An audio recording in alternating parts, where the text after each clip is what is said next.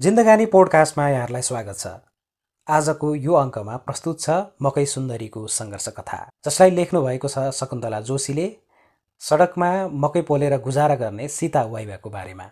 सीता वाइबाको सपना nurse बन्ने थियो। सेतो लुगा लगाएर सेतै फुलले कपाल सजाएर बिरामीको सेवामा जुट्ने नर्स देख्दा उनमा पनि त्यस्तै सपना आएको थियो।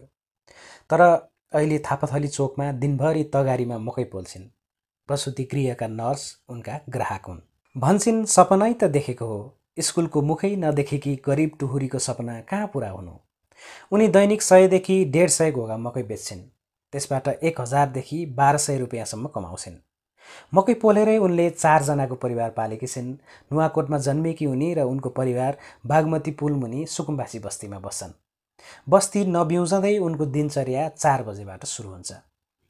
झिसमिसीमै नाम्लो र बोरा बोकेर मकै लिन कालीमाटी पुग्छिन्। मधेसबाट एक ट्रिप मात्र आउने हुँदा मकै किन्न मारामार हुने गरेको उनी बताउँछिन्। भिडमा सक्नेले राम्रो मकै उठाइहाल्छन्। उनी पनि भिडमा लडाइँ गरेर राम्रै घोगा छान्छन् मध्याहदेखि मकै पोल्न थाल्छिन् र भन्छन् खै मकै पोल्दा पोल्दा यो आगोले मेरो शरीरको रगत पनि सुकायो कि कसो? सङ्घर्षका ती दिन। उनको बाल्यकाल पनि सुखद रहेन। सात वर्षकी छँदा आमा बितिन्। अरूले भनेको सुनिन् आमालाई बोक्सीले खायो। बोक्सीले खानु वा मर्नुको अर्थ थाहा नपाउने त्यो उमेरमा आमा फेरि कहिल्यै नफर्किने कुरा उनले बुझिनन्। कसैले भन्थे आमा तारा टिप्न गएकी छिन् डाँडा पारी बर्कोभरि तारा टिपेर आउँछिन्। हातभरि तारा खेलाउने रहर बोकेर सानी बहिनी फकाउँदै आमा आउने बाटो हेरेर बस्थिन् तर आमा फर्किनन्। पत्नी वियोगले सीताका बाबु भौतारिन थाले। त्यसपछि बाबु र बहिनीलाई खाना पकाएर खुवाउने गाई भैँसीलाई घाँस काटेर हाल्ने जिम्मा आइलाग्यो। आमाले धानेको घर व्यवहारको भारीले स्कुल पनि छुटायो त्यसै बिच कान्छा दाजुको विवाह भयो। सोचिन् भाउजू आएपछि सुख पाइएला तर भाउजू आउनुको खुसीले उनलाई धेरै दिन साथ दिएन। दाजु भाउजूसँग मन नमिलेपछि विरक्ति कि उनी बाह्र वर्षको उमेरमा घर छाडेर हिँडिन्। घर छाड्दा उनको साथमा पैँतालिस रुपियाँ थियो। अठाइस वर्ष अघि गाउँकै एक अग्रजको पछि लाएर उनी काठमाडौँ बसेकी हुन्। काठमाडौँमा उनको काकाको छोरा दाजु भाउजू बस्थे। उनी तिनैको शरणमा गइन्। भाउजू गलैँचाको धागो बाँड्थिन्। भोलिपल्टदेखि उनी पनि त्यही काममा लागिन्। करिब चार वर्ष त्यसैबाट गुजारा चल्यो। मकै पोल्न तगारीमा सल्किँदै गरेको अगुल्टोमा आगो ठोस्दै उनी भन्छन् काली भए नि बैसाले यही आगो जस्ता राता थिए गाला। मन पराउने र जिस्क्याउने थुप्रै थिए। एक दिन साथीको ललैमा मकवानपुर पालङको ट्रक ड्राइभरसँग भागेँ। जीवनको अर्को दुर्भाग्य त्यही दिनबाट सुरु भयो। लोग्नेको घरमा पन्ध्र सदस्य थिए। पाथीले चामल भरेर खाना पकाए पनि खाने बेलामा पिँधको रहल पहल मात्र भेटाउने। सासु र नन्दहरू निकै कडा स्वभावका थिए। पति आकल झुकल मात्र घर आउने आए पनि खासै कुरा नगर्ने उनको दुःख बिसाउने कोही हुँदैन थियो। बस्दै जाँदा छोरी जन्मिएन्। खासै जग्गा जमिन पनि थिएन। परिवारले रक्सी बनाउने रहेछ। दुई चार पैसा हात परे छोरीलाई न्यानो लुगा लगाइदिनु पाए हुन्थ्यो भन्ने सोचेर उनी त्यही गर्न थालिन्। तर उनले पैसा कमाएको सासूलाई मन परेन। झगडै पर्न थालेपछि उनी पति खोज्दै काठमाडौँ आइन्। तर विश्वासले गाँसेको सम्बन्धले उनलाई खासै न्यानो दिएन। उनी दोस्रो बच्चा पाउने व्यथाले च्यापेर प्रसुति गृह थापाथलीमा छटपटाउँदै गर्दा पनि पति आएन भन्छन् बिहान नौ बजे छोरा जन्मियो खुसी हुँदै शिरमा हात राख्न लोग्ने आउला भनेर पर्खेँ। बेलुकीसम्म पनि आएन। सुत्केरी मान्छे दिनभर तातो पानीसम्म दिने कोही भएन। पाँच बजेतिर अस्पतालले भात दियो र खाएँ। साँझ ट्रकको खलासीलाई लिन पठाएको थियो। ती दिन सम्झिँदा आज पनि उनको मन अमिलो हुन्छ। त्यसपछि पनि पतिले कोठा भाडा नतिर्ने रासन पनि नल्याइदिने गर्न थालेपछि उनी फेरि गाउँ फर्किन्। गाउँमा जति गरे पनि टिक्नै सकिनन्। कलिला लालावाला टिपेर फेरि काठमाडौँ आइन् र साबुन कारखानामा काम गर्न थालिन्। तिन हजार रुपियाँले महिना चलाउन मुस्किल पर्थ्यो। उनी छोरा सुताएर आधा रातसम्म गलैँचाको उन बाँड्थिन्। त्यसबीच उनको जीवनले अर्कै मोड लियो। गलैँचा उद्योगको ठेकदार तेजबहादुर गोलेसँग उनको चिन्जान भयो। बाह्र निजगढ घर भएका गोले उनीभन्दा अनाथ थिए। पत्नीले छाडेर एक्लिएका गोलेले उनलाई छोराछोरी सहितको साथ मागे। त्यस समय एक्लै त्यही पनि गरिब महिलालाई समाजमा टिक्नै गाह्रो थियो। एउटा अनाथको माया लाएपछि उनले गोलेसँग बिहे गरिन्। सोझो र कम बोल्ने स्वभावका गोलेले उनी र उनका दुई छोराछोरीलाई अभिभावकत्व दिँदै आएका छन्। छोराछोरीको पेट बढ्दै गयो। दुईजनाको कमाइले पनि परिवार पाल्न मुस्किल पर्न थालेपछि उनीहरू साथीको सल्लाहमा दशक अघि हालको थात थलोमा बास बस्न आइपुगे।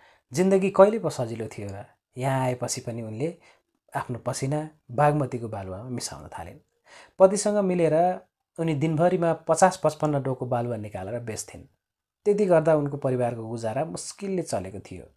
त्यहाँ मालिकको खप्की खानु पर्दैनथ्यो पारिश्रमिकको चिन्ता पनि नहुने जति हुन्थ्यो आफ्नै कमाई।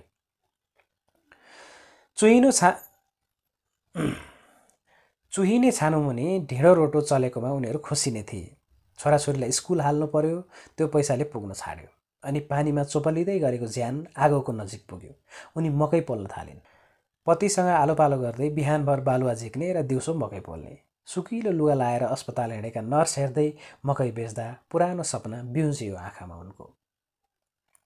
त्यसैले आफूले पढ्न नपाए पनि छोराछोरीलाई पढाउने अठोट गरिन्।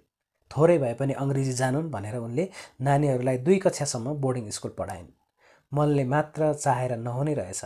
पैसाले नपुगेपछि उनका छोराछोरी त्रिपुरेश्वर स्थित विश्व निकेतन उच्च मावि धाउन थाले। छोरीले एसएलसी पास गरेका दिन उनी जीवनमै सबैभन्दा खुसी भइन्।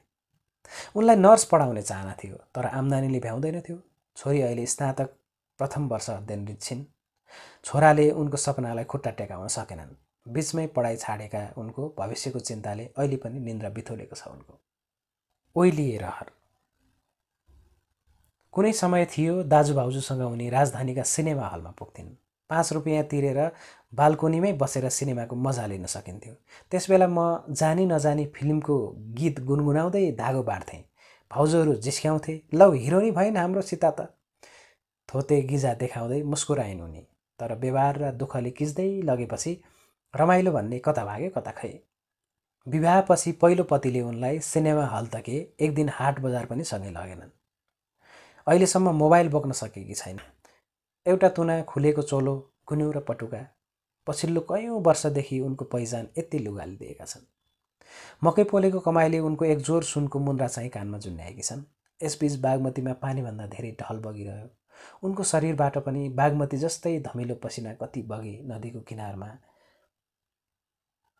हिसाब छैन।